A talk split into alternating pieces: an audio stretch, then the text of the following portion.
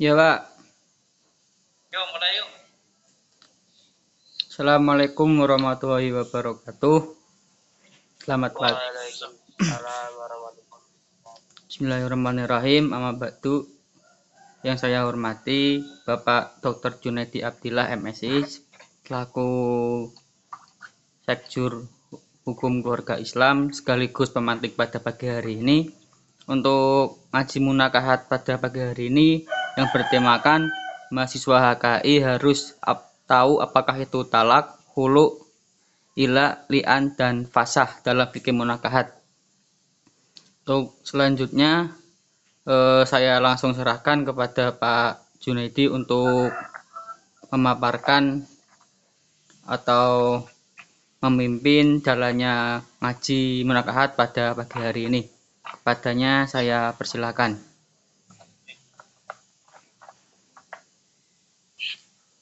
Assalamualaikum warahmatullahi wabarakatuh. Waalaikumsalam warahmatullahi wabarakatuh. Alhamdulillah الذي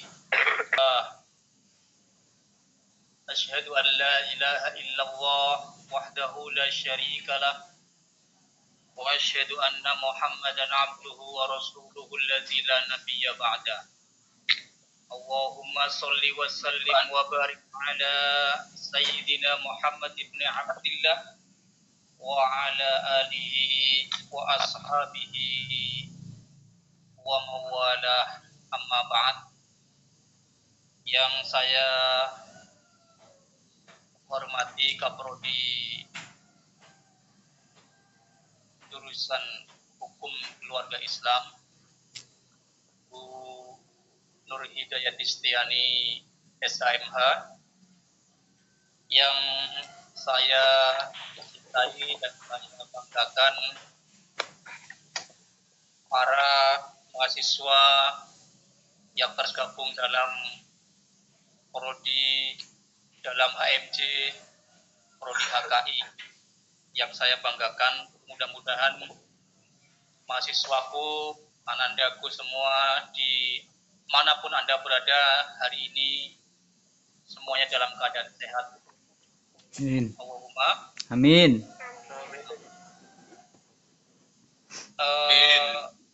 Eh, teman-teman mahasiswa yang saya cintai hari ini kita akan coba membedah mengkaji materi yang berkaitan dengan fikih munakahat ya ini materi yang tidak kalah pentingnya dan ini menjadi core ya isu-isu core dari kajian atau materi-materi yang ada di prodi hukum keluarga Islam ini.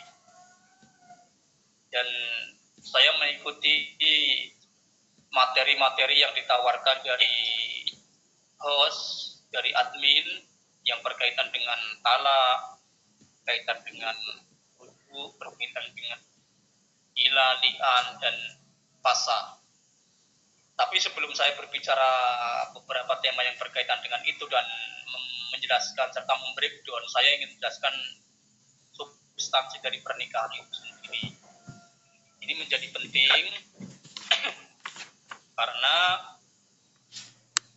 uh, tujuan Allah Subhanahu wa taala menurunkan dan mensyariatkan pernikahan itu tidak lain dan tidak bukan itu adalah untuk menjaga dan memelihara keturunan dan kehormatan.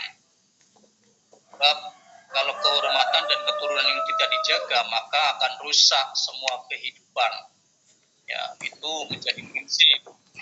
Maka dari itu untuk menjaga, untuk merawat, untuk memelihara, untuk memaintenance yang bernama entitas bernama keturunan, bernama kehormatan, bernama uh, keluarga itu harus ada peranata atau aturan syariat yang mengatur yang dinamakan sebagai munakahat, fikih munakahat. Uh,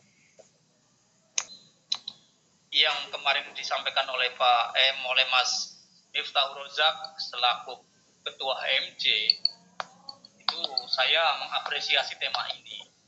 Oleh karena itu kita kembali ke ke substansi daripada tujuan filosofi pernikahan yaitu adalah untuk tidak hanya untuk semata-mata menghalalkan seks. Karena selama ini definisi nikah itu kan sebenarnya sangat minimalis dalam kitab-kitab fikih itu. Yaitu akdun yatadammanu fihi ibahatul wad'i. Yang dinamakan nikah itu adalah akad yang menghalalkan kebolehan hubungan seksual semata. Ini definisi minimalis kalau menurut saya. Definisi yang sangat sangat minimal sekali.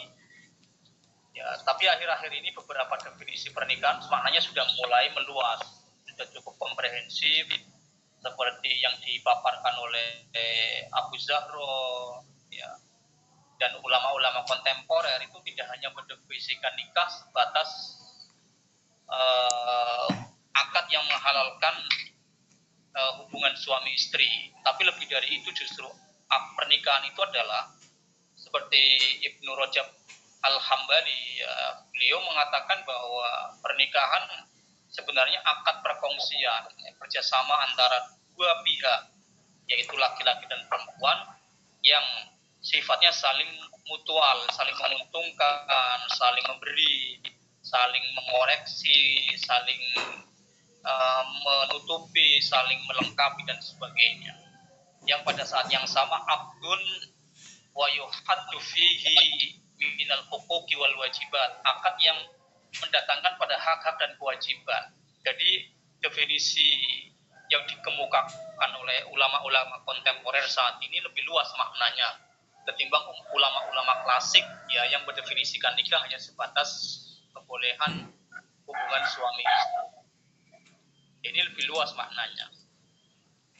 Terlebih di kompilasi hukum Islam pun sebagai fikihnya orang Indonesia makna pernikahan dimaknai lebih luas maknanya tidak hanya uh, sebatas kebolehan hubungan seksual semata tapi adalah lebih daripada makna maknanya sangat dalam yaitu ikatan lahir batin antara suami dan istri ya yang menimbulkan hak dan kewajiban ini maknanya sudah sangat dalam dan filosofi nikah itu sebenarnya kan kalau dalam Al-Quran maupun hadis itu luar biasa. Tapi akhir-akhir ini nikah di kalangan mm, manusia era digital mengalami reduksi, mengalami penyempitan makna ya. Seakan-akan nikah itu hanya dimaknai sebagai akad yang ya semata-mata hanya tanpa efek apa pun. Padahal nikah itu adalah dalam Al-Quran sebagai misalkan ghali itu sebagai apa? misak perjanjian itu yang kuat ya ini misak itu perjanjian yang kuat itu adalah maknanya sangat luas jadi tidak boleh yang main-mainkan dibuat sendaguro apalagi hanya untuk uh, tujuannya sangat sempit yaitu untuk uh, menghalalkan seksual semata. Oleh karena itu saya katakan bahwa Islam itu sebenarnya melalui syariat pernikahan itu hukumnya sangat mulia sekali. Ya bagaimana kebutuhan-kebutuhan tidak hanya kebutuhan biologis ya tapi memang kebutuhan yang lebih luas dari itu seperti menjaga keturunan, menjaga kehormatan dan sebagainya, menjaga harta itu pun terlibat dalam aspek pernikahan. Ya, jadi pernikahan itu memang pesan Rasulullah sendiri kepada umatnya itu istausu binisa'i khairan supaya kita saling berwasiat, saling menasehati antara laki-laki dan perempuan dalam hal kebaikan. Ini yang yang ditekankan oleh Rasulullah sehingga nikah itu seharusnya idealnya itu langgeng, kekal, abadi sampai maut memisahkan antara dua jiwa yang menyatu antara suami dan istri sampai maut yang memisahkan, sampai mati yang memisahkan oleh karena itu teman-teman mahasiswa ini HKI ini adalah fokusnya bagaimana si filosofi-filosofi tujuan-tujuan atau makosid-makosid yang terkandung dalam nikah ini ditangkap maknanya tidak hanya sebatas uh, formalnya semata. Namun demikian memang ada beberapa presiden kejadian yang kemudian kalau memang pernikahan bahtera pernikahan ini memang tidak bisa di di pertahankan ya memang mau tidak mau Islam itu memberikan peranata yang bernama talak perceraian. Walaupun perceraian itu maknanya luas. Lebih luas daripada talak. Tapi memang talak itu merupakan jalan terakhir ketika bahtera atau uh, bangunan rumah tangga itu tidak bisa di, dipertahankan. Dalam konteks ini Islam sebenarnya sangat membuka keran perceraian atau talak itu sangat kecil sekali sangat kecil makanya Nabi pernah bersabda dalam sebuah hadisnya Abu Wadul Halali ilawahi at-tolak ya, satu hal yang paling dibenci oleh Allah itu adalah talak ya, talak itu dibenci walaupun halal. Oleh karena itu saya katakan sekali lagi di sini bahwa talak itu apa sih? Talak itu berbeda dengan perceraian. Ya, perceraian itu maknanya lebih luas. Talak itu, itu adalah melepaskan ikatan.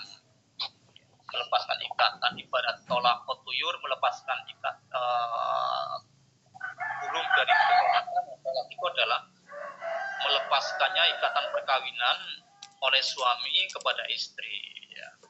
tapi talak itu macam-macam ya, perceraian itu bisa berbentuk talak talak itu biasanya perceraian yang diinisiasi oleh suami tapi kalau yang diinisiasi atau digagas keinginannya oleh istri namanya khulu. Itu adalah dari bahasa Arab khola'a, pas. Melepas itu kenapa melepas? Seperti khola'a saub, melepas pakaian. Ya, mengapa pakaian? Karena suami istri dalam Al-Quran itu diilustrasikan sebagai pakaian yang saling menutupi, sebagaimana firman Allah. A'udzu billahi minasyaitonir rajim. Libasul lakum wa antum libasul lahun pakaian itu. Lakulu itu adalah perceraian yang diinisiasi oleh oleh istri ya dengan memohon kepada suami untuk melepaskan pernikahannya dengan disertai iwat. Iwat itu apa? Iwat itu kompensasi ganti. Itu iwat hulu Hulu itu adalah perceraian, sorry perceraian yang digagas atau diinisiasi oleh sang istri ya, yang dimohonkan kepada suami untuk diceraikan. Tapi hak cerai itu tetap yang memutuskan perceraian itu suami. Walaupun hulu itu diinisiasi oleh oleh wanita si istri, tapi tetap yang memutuskan oleh suami, suami yang menjatuhkan talak oleh suami itu itu hulu hulu itu sekali lagi ya harus ada tebusan kompensasi itu ada dasar hadisnya ya ada hadisnya suatu saat istrinya uh, Abbas itu yang sahabat Ibnu Abbas itu pernah menghadap Rasul. Ya, mohon agar istrinya itu diceraikan karena suaminya memang tidak konsekuen tidak tidak istiqomah dalam keislamannya. Maka Rasul mengamini mengabulkan supaya istrinya diputuskan. Tapi yang menjatuhkan adalah pihak suami itu namanya hulu hulu itu memang melepas ikatan perkawinan yang diinisiasi digagas oleh wanita jadi kalau talak itu yang menggagas suami menginisiasi suami kalau hulu yang menggagas istri tapi kalau fasah ini beda lagi. Kalau fasah itu secara bahasa itu artinya kan menghapus, membatalkan. Jadi batalnya pernikahan itu karena memang ada sesuatu yang temuan-temuan di lapangan syarat ruknya tidak terpenuhi. Ya, ini fasa. Dan ini yang yang menjatuhkan biasanya adalah body atau dalam dalam konteks uh, Indonesia adalah uh, hakim yang memutuskan bahwa ada temuan-temuan ya, di lapangan setelah adanya pernikahan terjadi itu namanya batal demi hukum istilahnya fasah itu. Karena apa? Mungkin ketika A dan B menikah ternyata masih punya kerabat masih punya ikatan hubungan. Ternyata masih satu rodoa sepersusuan yang kita sebut dengan mawani unikah itu. Ya ketika di atau mungkin ketika menikah bisa jadi suami sudah mempunyai empat istri dan dia yang kelima maka harus di, harus dibatalkan pernikahan dan sebagainya dan sebagainya. Yang dalam kompilasi hukum Islam itu terdapat dalam pasal berapa? Saya lupa pasal 22 ya. Kompilasi hukum Islam itu menjelaskan hal yang berkaitan dengan hal-hal yang bisa membatalkan pernikahan. Itu yang namanya fasah. Jadi fasah itu adalah pembatalan pernikahan. Dalam bahasa fikih itu yang namanya fasah nikah itu ya wafasul abdi naqduhu wa halalur rabitatil lati tarbitu bainas zaujaini. Yang namanya fasa nikah adalah membatalkan akad dan membatalkannya dan melepas ikatan antara dua apa namanya dua apa namanya dua pasangan atau satu pasangan itu yang pernikahan. Jadi lepasnya itu karena harus batal. Temuan-temuan di lapangan ternyata A dan B ini adalah tidak tidak sesuai syariat untuk diteruskan pernikahannya. Jadi antara tala, hulu, fasa ini adalah sejatinya adalah sama bentuk-bentuk perceraian tapi yang menjatuhkan beda, inisiasinya beda. Inisiatornya maksudnya. Kalau tala yang menginisiasi dari suami dan itu yang menjatuhkan suami dan kalau kalau hulu itu adalah inisiasinya dari perempuan tapi hak hak penjatuhan taraf tetap dari sua, suami. Sedangkan fasa itu adalah sedangkan fasa itu adalah domain biasanya temuan-temuan itu ditemukan dari dari dari pelaku pernikahan suami istri sendiri kemudian diajukan ke pengadilan. Dan pengadilan nanti menjatuhkan pembatalan pernikahan. Itu yang berkaitan dengan hulu ya yang berkaitan dengan li'an apa? Li'an itu sebenarnya adalah tradisi. Ketika Islam datang itu Nabi Muhammad mendakwahkan risalah itu masyarakat Arab pra-Islam sudah banyak tradisi di sana. Sudah banyak adat yang berkembang ya berlaku. Peranata sosial sudah berkembang. Ketika Islam datang ada yang meneruskan sifatnya syariatnya ada yang meneruskan peranata-peranata sebelumnya dan ada yang mereformasi atau sifatnya itu adalah taksisi. Ada yang emzai emzai itu melestarikan. Jadi syariat pernikahan Islam itu sebenarnya ada dua ada yang sifatnya melestarikan ada yang sifatnya me, membarui. Ya, membarui. Seperti zihar. Zihar itu adalah uh, uh, pranata pranata masyarakat Arab pra Islam. Ya menyamakan punggung istri dengan punggung ibu itu kan tradisi Arab Nah itu untuk untuk mentalak istri itu biasanya pakai dihar. Oleh Islam itu dilarang. Larang. Jika sudah mendihar maka ya harus kena kifarot. Itu dihar. Tapi kalau li'an pun sama. Li'an pun secara bahasa itu adalah la'ana ya la'anul li'an melaknat menuduh su, su, tuduhan suami terhadap istri ya telah melakukan zina itu li'an ya lian itu ya memang banyak ya berkembang tidak hanya sekarang di tidak hanya di Arab e, pra Islam sekarang pun banyak. Itu konteksnya adalah ketika istri mengingkari ketika istri tidak mengakui bahwa dia telah berzina dengan orang lain tapi suami menuduh. Dalam konteks ini maka suami harus bersumpah atas nama Allah empat kali sumpah ketika suami sudah bersumpah bahwa atas nama Allah, maka dia terbebas dari koldaf. Karena dia tidak mampu mendatangkan empat orang saksi, ya, tidak mampu mendapatkan orang, empat orang saksi, maka dia terbebas dari koldaf dan istrinya pun mengingkari. Tapi karena dia sudah bersumpah, maka li'an pun terjadi dan konsekuensi atau akibat hukum dari li'an itu apa? Putusnya perkawinan selamanya. Ya, uh, bro itu sudah selamanya nggak boleh itu dirujuk kembali. Itu lian. Ya jadi lian itu adalah sumpah suami atas nama Allah dengan menuduh istrinya berbuat zina dan istrinya mengingkari. Itu itu lian. Akibat hukumnya apa dari lian itu? Akibat hukumnya adalah maka konsekuensinya nikah tali pernikahan itu putus ya, perceraian terjadi karena li, lian dan lian itu kalau di fikih Indonesia yang ada dalam KH itu harus disaksikan di depan pengadilan, depan hakim lian itu. Kalau dulu mungkin belum ada institusi atau peranata peradilan yang semapan sekarang ya, sehingga butuh hanya sumpah di depan halayak dan cukup. Tapi kalau di Indonesia sekarang sudah ada, harus ada sumpah di depan hakim bahwa anak atau kalau dia mengandung istrinya nanti ya hasil dari perzinahan itu ya anaknya nanti dinasabkan ke ibunya. Kalau tidak ya harus tetap bisa dinasabkan ke kalau tidak misalnya tidak hamil sumpah itu harus di, di, dilakukan di depan hati tulia nah ini aspek-aspek yang berkaitan dengan lian lah itu ilah. Ilah itu apa adalah? Ada ada aspek yang lain namanya ilah. Kajian yang ilah itu berasal dari kata ala. Ala. Ala itu ala lian. Lian itu apa artinya? Lian sudah tahu ya sekarang ila. Ila itu artinya apa? Ila yakli laan wa ilaan. Itu itu sorobnya. Ala yakli laan ilaan.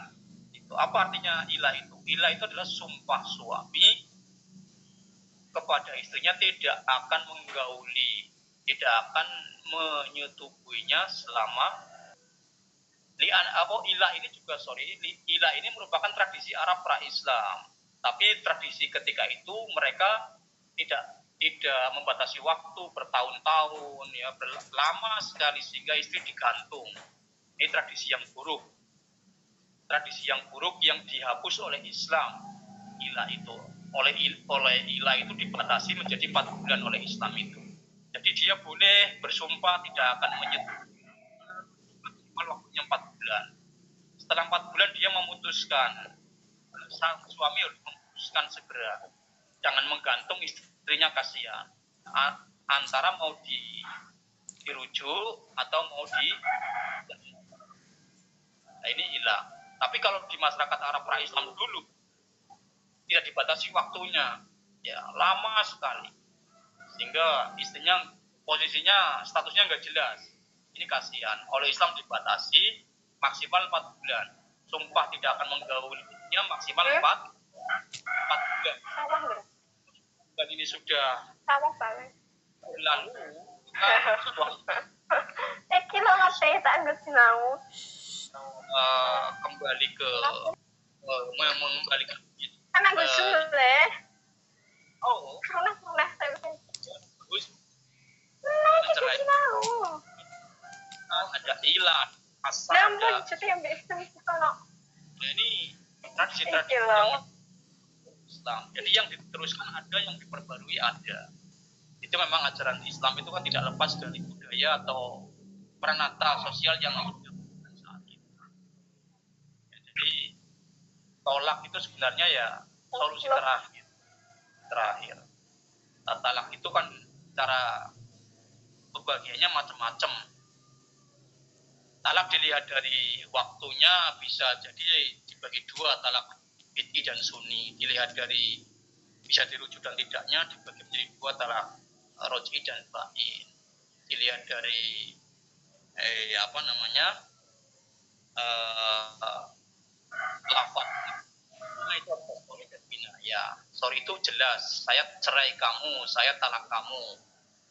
Tapi yang kinaya itu sindiran, ya, lafadznya. Sekarang kamu bebas, is- wahai istriku, sekarang kamu bebas dari saya. Silakan pulang ke rumah.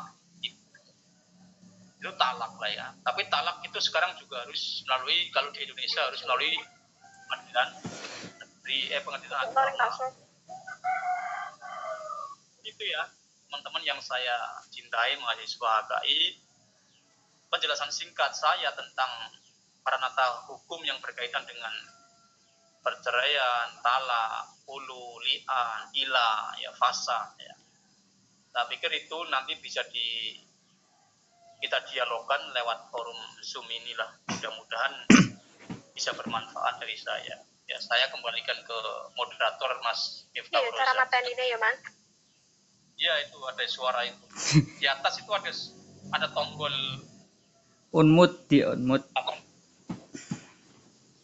Iya itu. Silakan Mas Roza, saya Ya. kembalikan ke jenengan. untuk teman-teman yang terima kasih sebelumnya untuk Pak Junaidi sudah menjelaskan eh, tentang aspek-aspek tadi tentang talak, hulu, ila, lian, dan fasah. Untuk teman-teman yang masih kurang paham atau ada yang ditanyakan, bisa langsung eh, yang pertama itu langkahnya chat dulu di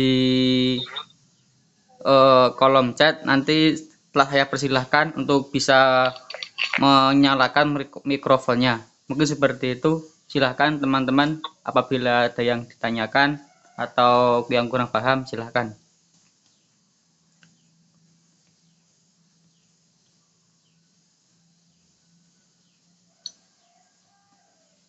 Lewatnya mana kalau mau nanya, Mas?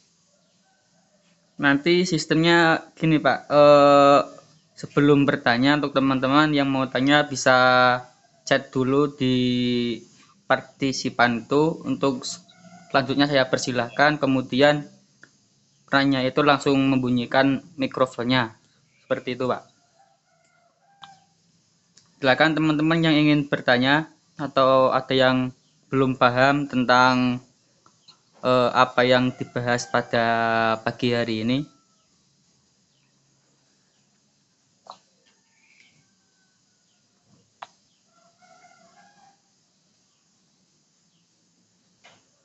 Saya kasih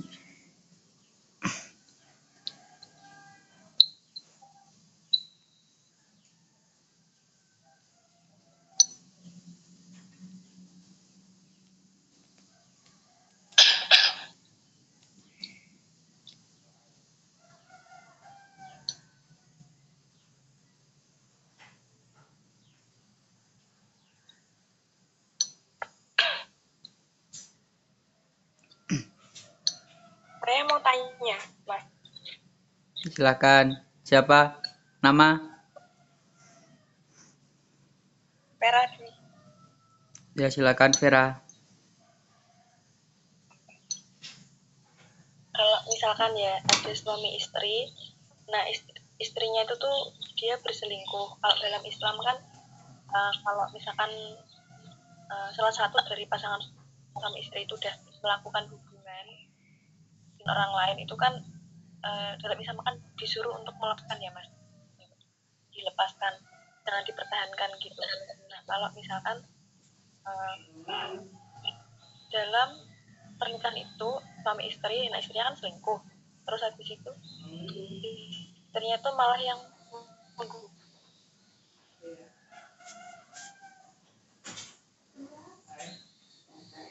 Gimana? Nggak jelas suaranya? Kecerahnya sebenarnya mau sampai sampai lama berapa lama itu gimana Coba diulangi lagi Mbak Vera, kurang jelas suaranya. Kalau enggak bisa lewat chat biar lebih enak. lewat chat gimana Yang di itu loh ini parti. nggak jelas suaranya Coba ulangi lagi.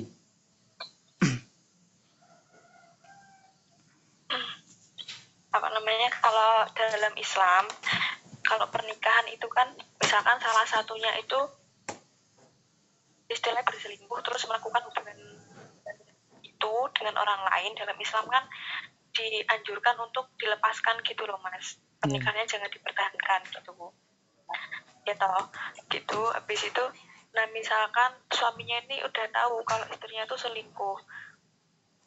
Terus habis itu tapi suaminya ini tuh mengulur meng- mengulur waktu gitu loh. Mengulur waktu biar istrinya tuh istilahnya nggak cerai dulu gitu loh. Mengulur waktu karena dia tuh punya tujuan lain gitu loh mas. Misalkan istrinya itu istilahnya kayak menguasai harta harta harta dalam rumah tangga itu dikuasai sama istri. Nah suaminya ini suaminya ini pengen suaminya ini tuh pengen mengurus dulu gitu loh itu tuh sebenarnya boleh nggak sih dalam Islam kayak gitu? Sedangkan tak suaminya ini udah tahu kalau istrinya itu udah melakukan hubungan itu dengan orang lain gitu.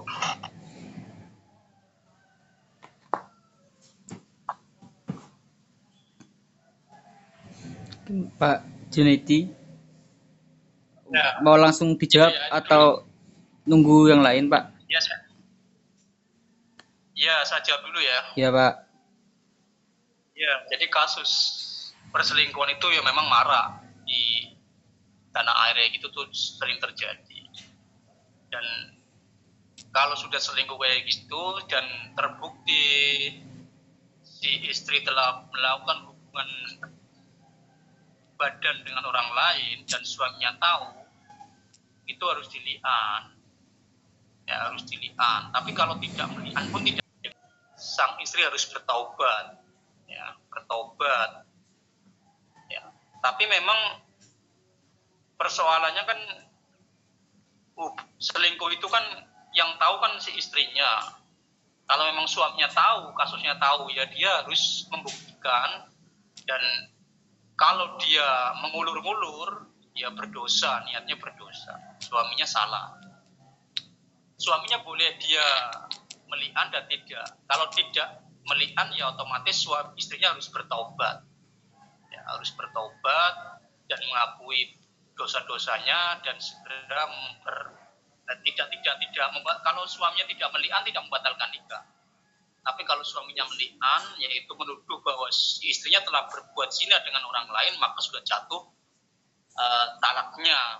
Perceraian sudah putus eh pernikahan sudah putus tinggal suaminya mau melihat atau tidak. Kalau suaminya niatnya buruk hanya menunda-nunda ya salah juga. Ya salah juga suaminya harus segera melepas perkawinan. Kalau tidak ya harus dinasehati suami, istrinya harus dinasehati. Dinasehati itu adalah nasihat itu adalah kewajiban suami menasehati istrinya. Ya, istau subinisai khairon. Ya, nasihatlah wanita itu dengan kebaikan. Jika tidak mau dinasehati maka wanitanya jadi wanita nu nusus. Nusus itu apa? Nusus itu membangkang. Ya nusus dinasehati dinasehati nggak mau maka wah hunna fil madoji maka pisah ranjang dulu. Pisah ranjang nggak mau juga wadribuhunna. Ya itu kan fase-fasenya dalam dalam Al-Quran kan kayak gitu ya. Iya. jika tidak iya. juga tidak bisa dinasehati dipukul juga tidak bisa maka dicerai ya, itu dilihat itu cara-cara dalam Islam semacam itu Jadi, kalau selingkuhnya sudah masuk ke tahap memprihatinkan zina maka suaminya wajib me mengetahui kalau suaminya tahu ya wajib melitian tapi kalau tidak tahu kan jadi lain persoalan ya ini wanita tipe-tipe wanita yang ya saya pikir itu ya. Jadi kalau misalnya ada kasus semacam itu ada dua pilihan terhadap suaminya melian atau menasehati. Kalau menasehati maka bisa memperbaiki pernikahannya.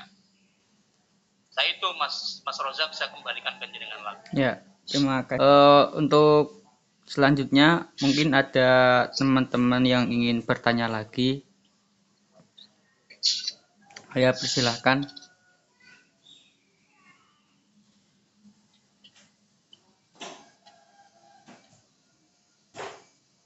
Apabila tidak tahu cara untuk bertanya, langsung saja e, nyalakan mikrofonnya.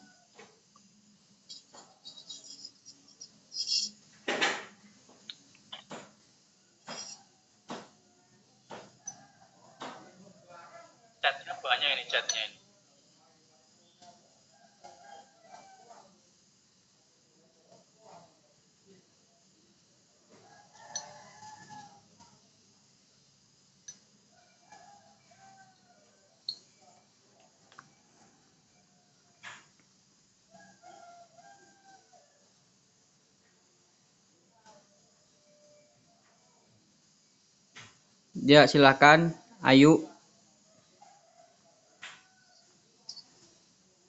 Silakan Ayu ingin tanya. Assalamualaikum warahmatullahi wabarakatuh. Waalaikumsalam warahmatullahi wabarakatuh. Waalaikumsalam. Perkenalkan, nama saya Ayu. Saya ingin bertanya, Pak. Ketika kan sekarang kan uh, itu ya, Pak ada orang yang difabel itu kan menik nah seorang dua-duanya itu menyandang difabel. Ketika suaminya itu mencerai eh mentalak itu kan setelah cerai itu kan ada harta gonong harta gini nah itu harta gini itu bagaimana pak? Kalau uh, suaminya itu yang difabel dan tidak bisa memberi yang difabel siapa pak suaminya? Suami istri semua pak. Jadi pernikahan itu terjadi kapan? Sudah tahu sama-sama difabel gitu? Iya sudah tahu sama-sama ketika Terus? apa uh, menikah itu kan otomatis sang suami itu nggak bisa mencari nafkah. Nah itu iya, pas terus? pernikahan itu gimana?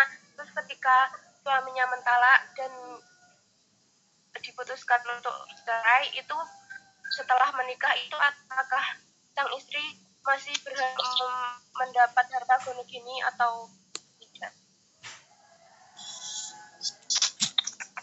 selama selama pernikahan itu selam, ada sama-sama difabel gitu ya? Suami istri sama-sama difabel gitu? Iya pak. Betul ya? Iya. Kemudian menikah. Kalau selama dihasilkan secara bersama ya otomatis harus dibagi ketika bercerai. Itu loh Mbak. Kalau tidak ada jangan jangan dipaksakan harus ada yang dibagi kalau memang tidak ada. Kalau ada ya harus dibagi. Nah, persoalannya di Fabel itu kan nggak bisa kerja apa ada kata yang didapatkan secara bersama. Gunung itu ada nggak pak? Jadi kalau misalnya ada Iya, gimana? Kalau misalkan kan itu pas pas pernikahannya itu kan sang suami nggak bisa menafkahi, apakah yang suami itu uh, apa melanggar uh, apa ya beratnya sebagai suami kar karena suami kan harus menafkahi. Itu gimana? Ya itu kan sama-sama ketika di makanya di, di awal pernikahan ada semacam kufu di waktu sebelum pernikahan terjadi kan sudah saling menyadari ya sama-sama difabel sama-sama mengetahui kekurangannya masing-masing. Ya kalau peng, apa namanya sudah tahu kekurangannya melakukan pernikahan ya itu namanya memaksakan diri. Ya sudah tahu sama-sama kalau difabel nggak bisa menafkahi. Dulu waktu mau menikah kok dipaksakan menikah itu yang salah udah tahu difabel nggak bisa bekerja kok menikah itu kan salah juga. Tapi kalau dari awal niatnya memang untuk uh, me membangun rumah tangga sama-sama mengetahui kekurangan masing-masing ya is oke okay, nggak ada masalah. Tapi kalau di tengah jalan kemudian istrinya mengeluh ya istrinya yang salah. Udah tahu dari awal memang nggak bisa bekerja toh.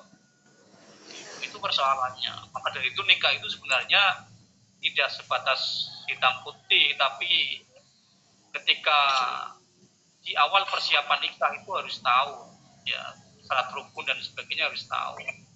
Keberadaan uh, calon suami keberadaan calon istri seperti apa dan sebagainya. Makanya dalam Islam itu ada khidbah melamar. Melamar itu boleh melihat.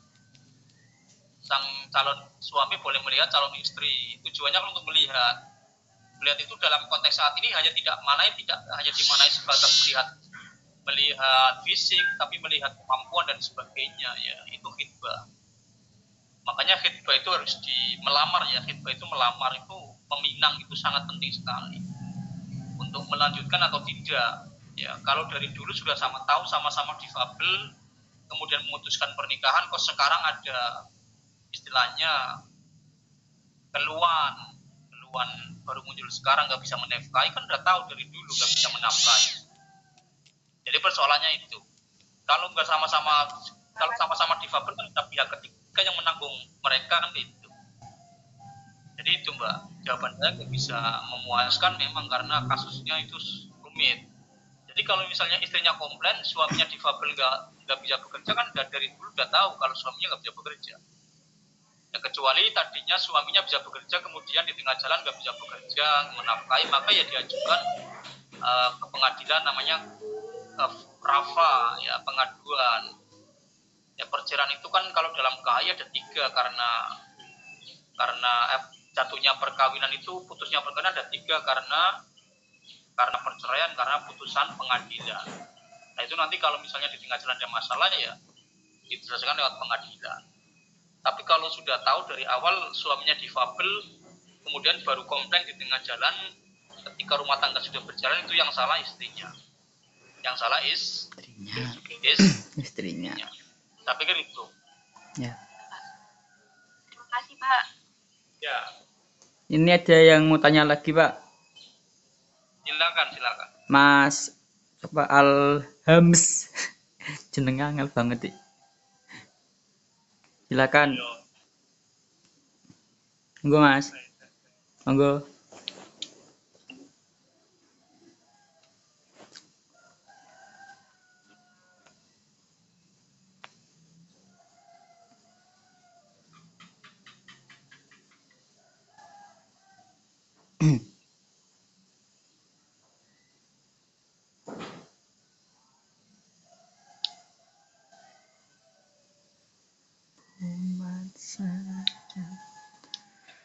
Silakan.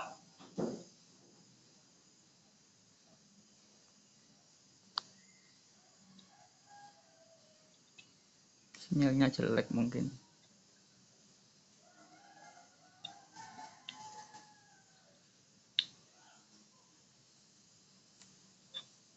Sebelumnya belum dinyalakan kayaknya. Ini eh, di chat WA ini Pak eh, dari Papua dari Ketum HKI Papua? Ketum HKI Papua Mas Ali Iya, Hamzah pertanyaannya bagaimana jika ada suami yang ngelindur mengucapkan talak kepada istrinya apakah itu menjadi talak seperti itu Pak Ya. berarti itu masih belum sadar mungkin Iya. suaminya Oh gitu. ya tidur. masih ngelindur ngucapin talak silakan Pak menarik juga itu. Kata itu, itu memang ketika diucapkan dalam keadaan sadar. Keadaan sadar, dia akil, akil itu kan artinya dia berakal. Ketika dalam kondisi tidur, maka dia tidak dianggap ya konsekuensi apa pun. Karena orang tidur itu aneh naik katanya stay gitu itu angkat pulpennya. Pulpen itu nggak ditulis. Rufial ansalas ya ani naimi hatta stay gitu orang yang tidur tidak punya konsekuensi hukum apa pun. Bahkan dia tidur lupa sholat pun nggak ada dosa. Apalagi dia tidur kemudian uh, ngigau atau lindur tentukan talak istrinya. Dia tidak tidak dihukumi satu talaknya tetap masih berlangsung perkawinannya. Sebab syarat penjatuhan talak itu harus dalam kondisi bersadar dalam kondisi berakal dalam kondisi normal. Walaupun dia dalam kondisi marah pun ya, kondisi marah gimana ketika menjatuhkan talak tetap jatuh saya pikir itu ya. Jadi kalau dia ngelindur tidur ngelindur tak pegat kamu. Itu gak jatuh talaknya namanya ngelindur orang ngelindur itu kan tidur. Tidur itu tidak dihukumi hukum apa pun. Orang kecil sampai dia bayi sampai dia dewasa. Orang tidur sampai dia bangun. Kemudian orang gila sampai dia sembuh. Jadi orang kecil bayi tidur dan gila orang gila itu orang edan itu bebas dari segala tuntutan hukum. Saya pikir itu ya. Ya Pak. Mungkin Pak. ini ada yang mau tanya lagi silahkan Nadia Nadia ya silakan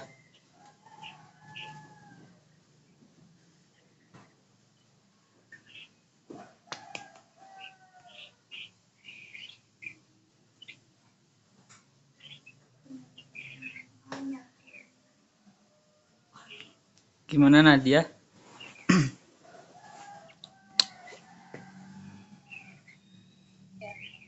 Assalamualaikum Salam wabarakatuh. nama saya Nasita Sampo dari HKIA 19 Eh, pertanyaan mengenai zihar pengertian zihar kan mengunggung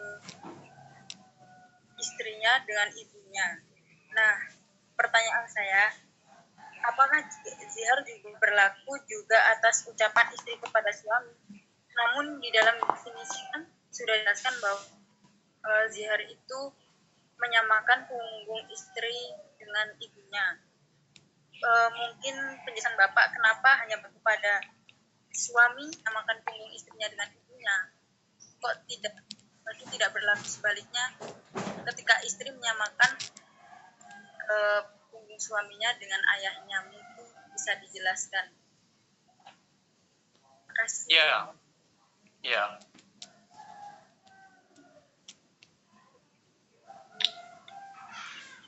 Udah Mas Rozak ya. Ada satu lagi Pak Jadi terakhir memang- Pak. Satu lagi Silakan, silakan. untuk pertanyaan yang terakhir mungkin dari Mbak Abrela. Bagaimana jika suami telah melakukan sumpah ilah tapi dengan selang dua bulan ia ingin menyetubuhi istrinya? Apakah sumpahnya langsung batal? Dan apakah dalam sumpah ilah itu harus disaksikan oleh saksi? Pertanyaan dari Mbak Abrila dari Kaltim Pak Kalimantan Timur. HKI Kalimantan Timur Iya. dari Iya, terima IAIN. Samarinda Ini berarti nasional ya, Mas? ya nasional Sampai ini, ini Timur nasional Pak Alhamdulillah Pak Nasional. ya Ya, eh, luar biasa ya. Jadi saya ingin menjawab dari dari konstruk perspektif sejarah dulu ya. Ketika syariat Islam datang itu memang masyarakat Arab pra-Islam itu sudah punya budaya, sudah punya peranata yang mereka yakini ini menjadi hukum bagi mereka. Ya.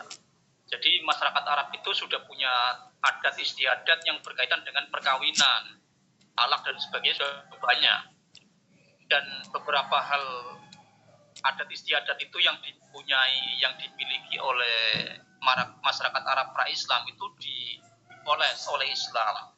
Dipoles oleh is Islam. Dipoles itu maksudnya apa? Di diperbaiki di hal-hal yang tidak sesuai itu di, di dibenahi. Termasuk zihar. Zihar ini adalah tradisi masyarakat Arab pra-Islam. Ya, jadi memang ke- kekuasaan laki-laki atas istri itu sangat luas sekali, sangat kental sekali.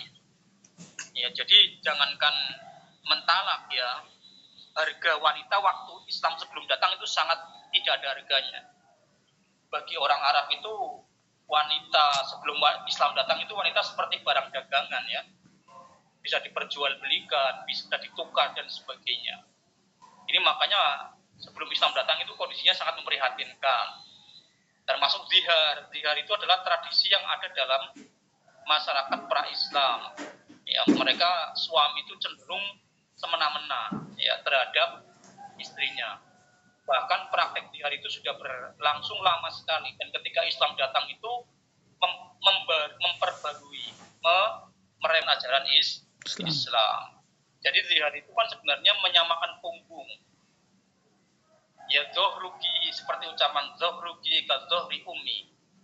Ya punggungmu wahai istriku seperti punggung ibuku. Ya punggung itu sebenarnya ya mengapa punggung? Karena punggung itu sebenarnya tempat untuk naik. Naik itu biasanya karena budaya senggama atau budaya menyetubuh itu biasanya istri ke suami itu naik ke istrinya. Ketika ucapan semacam ini maka jatuhlah talaknya. Jadi ini ucapan yang sifatnya kiasan. Orang Arab kan senang dengan kiasan, ya. senang dengan balago dan sebagainya. Makanya mujizatnya Nabi Muhammad itu Al-Quran karena redaksi balagonya sangat kuat. Ya. Ya sama tradisi Arab pun kayak gitu. Menyamakan punggung itu adalah bahasa kiasan agar istrinya itu sudah tidak halal lagi buat dia. Ya. Nah, maka relasi dalam konteks ini relasi relasi relasi dominasi laki-laki atau suami atas perempuan sangat kental sekali harus diakui. Ya, dan Al-Quran pun ketika datang tidak lepas dari suasana semacam itu. Ketika Al-Quran turun tidak lepas dari suasana relasi suami sangat kuat sekali. Maka Islam ketika semacam ini mengharamkan, mengharamkan tihar itu sangat diharamkan. Ya tihar itu adalah perilaku jahiliyah yang di, di, diharamkan, tapi tidak dilarang total. Ya kalau sudah mengucap dihar, ya berarti dia kena kifarot. Ya kalau mau kembali, mau, mau kan kalau dia sudah kadung mengucapkan dihar dalam Islam, ya. Islam itu kalau mau mentalak jangan pakai itu. Punya tradisi lain dan bercerai dengan cara kinaya maupun sorry yaitu ajaran Islam. Tapi kalau sudah mengkadung mengucapkan terlanjur mengucapkan dihar maka suaminya kalau ingin menyetubuhi istrinya lagi dia kena kifaro ya, kena kifaro kena kifaro itu apa? Kifaro itu denda yang wajib dibayar oleh suaminya harus ditebus berupa ya membebaskan budak ya kalau nggak bisa membebaskan budak itu ya puasa dua bulan berturut-turut. Itu kan pilihan fakultatif. Jika tidak mampu maka ya memberi makan 60 orang mis miskin. itu kifar. Jadi dalam Islam itu zihar itu adalah hak prerogatif suami memang.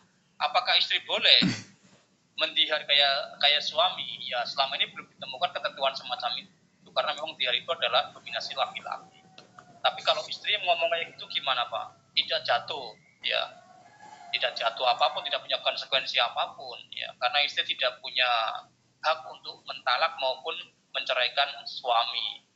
Sebab istri dalam Islam itu diposisikan boleh punya hak untuk bercerai hulu tapi nanti yang menjatuhkan tetap suami jadi hak talak itu memang murni dari sua, suami hulu itu adalah gagasannya dari istri saja tapi yang menjatuhkan tetap suami jadi kalau ada suami, ada istri yang mengatakan mengapa tidak ada konsep menyamakan punggung suami dengan ayahnya, memang tidak ditemukan konsep semacam itu. Dan kalau mengucapkan semacam itu gimana istri tidak punya konsekuensi dan akibat hukum apa pun.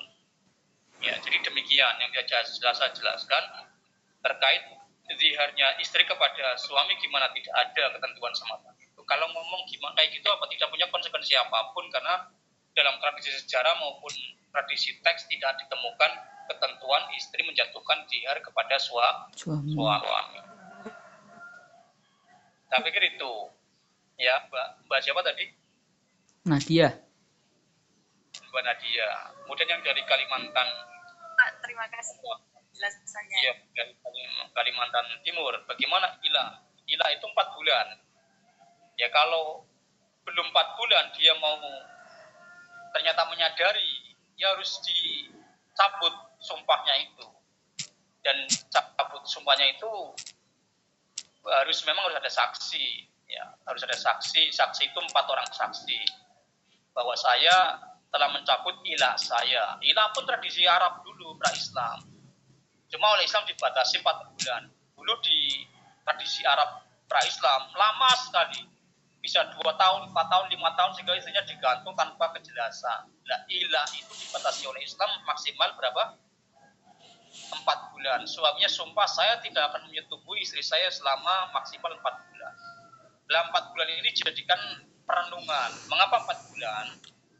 Empat bulan itu biasanya kondisi normal laki-laki itu, ya ini kan laki-laki kalau yang mohon maaf yang sudah punya istri ya, seperti saya suami seperti saya sudah punya istri kalau empat bulan laki-laki nggak kuat udah laki-laki udah nggak kuat secara teori makanya dulu Umar itu ketika uh, perang itu merolling pasukan 4 bulan, 2 bulan sekali di rolling. Karena laki-laki udah gak kuat, bisa dengan istri itu 2 bulan udah gak kuat.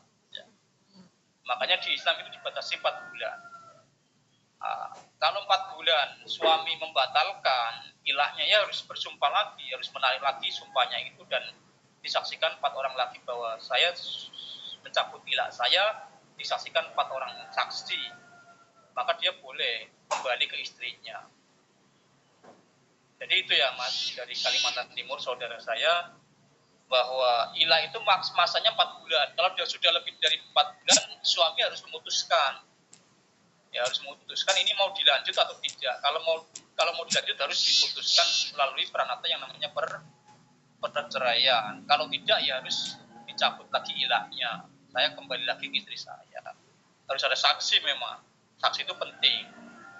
Ya kalau dulu saksi sifat, sifatnya masih swasta ya. Sekarang saksi itu harus di, diselesaikan lewat pengadilan di Indonesia ini sekarang ada pengadilan tapi kayaknya tradisi ilah itu di Indonesia kurang kurang diterima. Kurang diterima ya.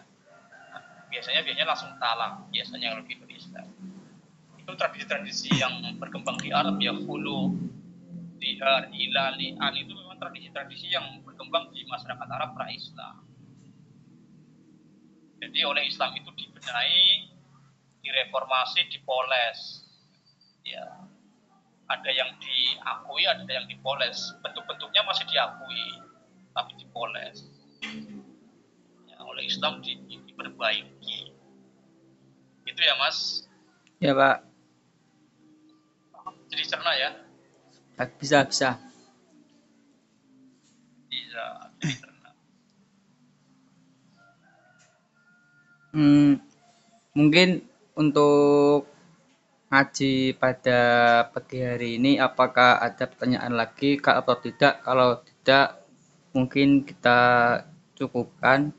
Untuk nanti hasil dari ngaji ini insya Allah dari HMJHKI penulis Songo akan e, nge-share rekod atau rekaman hasil ngaji pada pagi hari ini dan insya Allah juga akan dibuatkan tulisan dan nantinya akan di-upload, di-share di webnya HMJHKI mungkin seperti itu.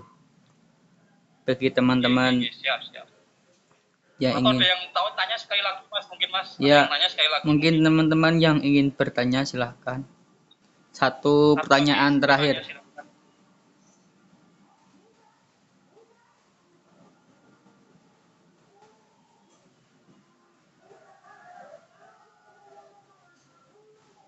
kalau nggak ada sudah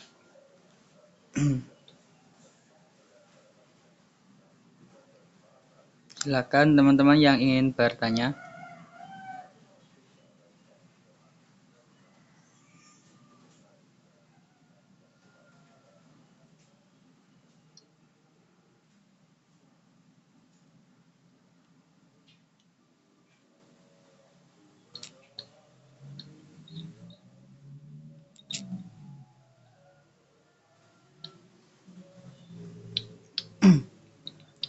Gimana mungkin kita cukupkan saja untuk oh ya cukup di mas. pada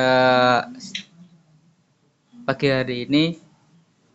Sebelumnya terima kasih kepada Pak Junaidi sudah meluangkan waktunya untuk menjelaskan secara rinci untuk tema pada hari ini. Saya ucapkan terima kasih dari saya dan teman-teman HMJ HKI 2020 Eh, semoga diberi kesehatan semuanya tetap di rumah saja dan jangan lupa semangat puasanya. Eh, dari saya cukup sekian. Apabila ada kesalahan ya maaf sebesar-besarnya. Wassalamualaikum warahmatullahi wabarakatuh. Salam HKI Waalaikumsalam. Takin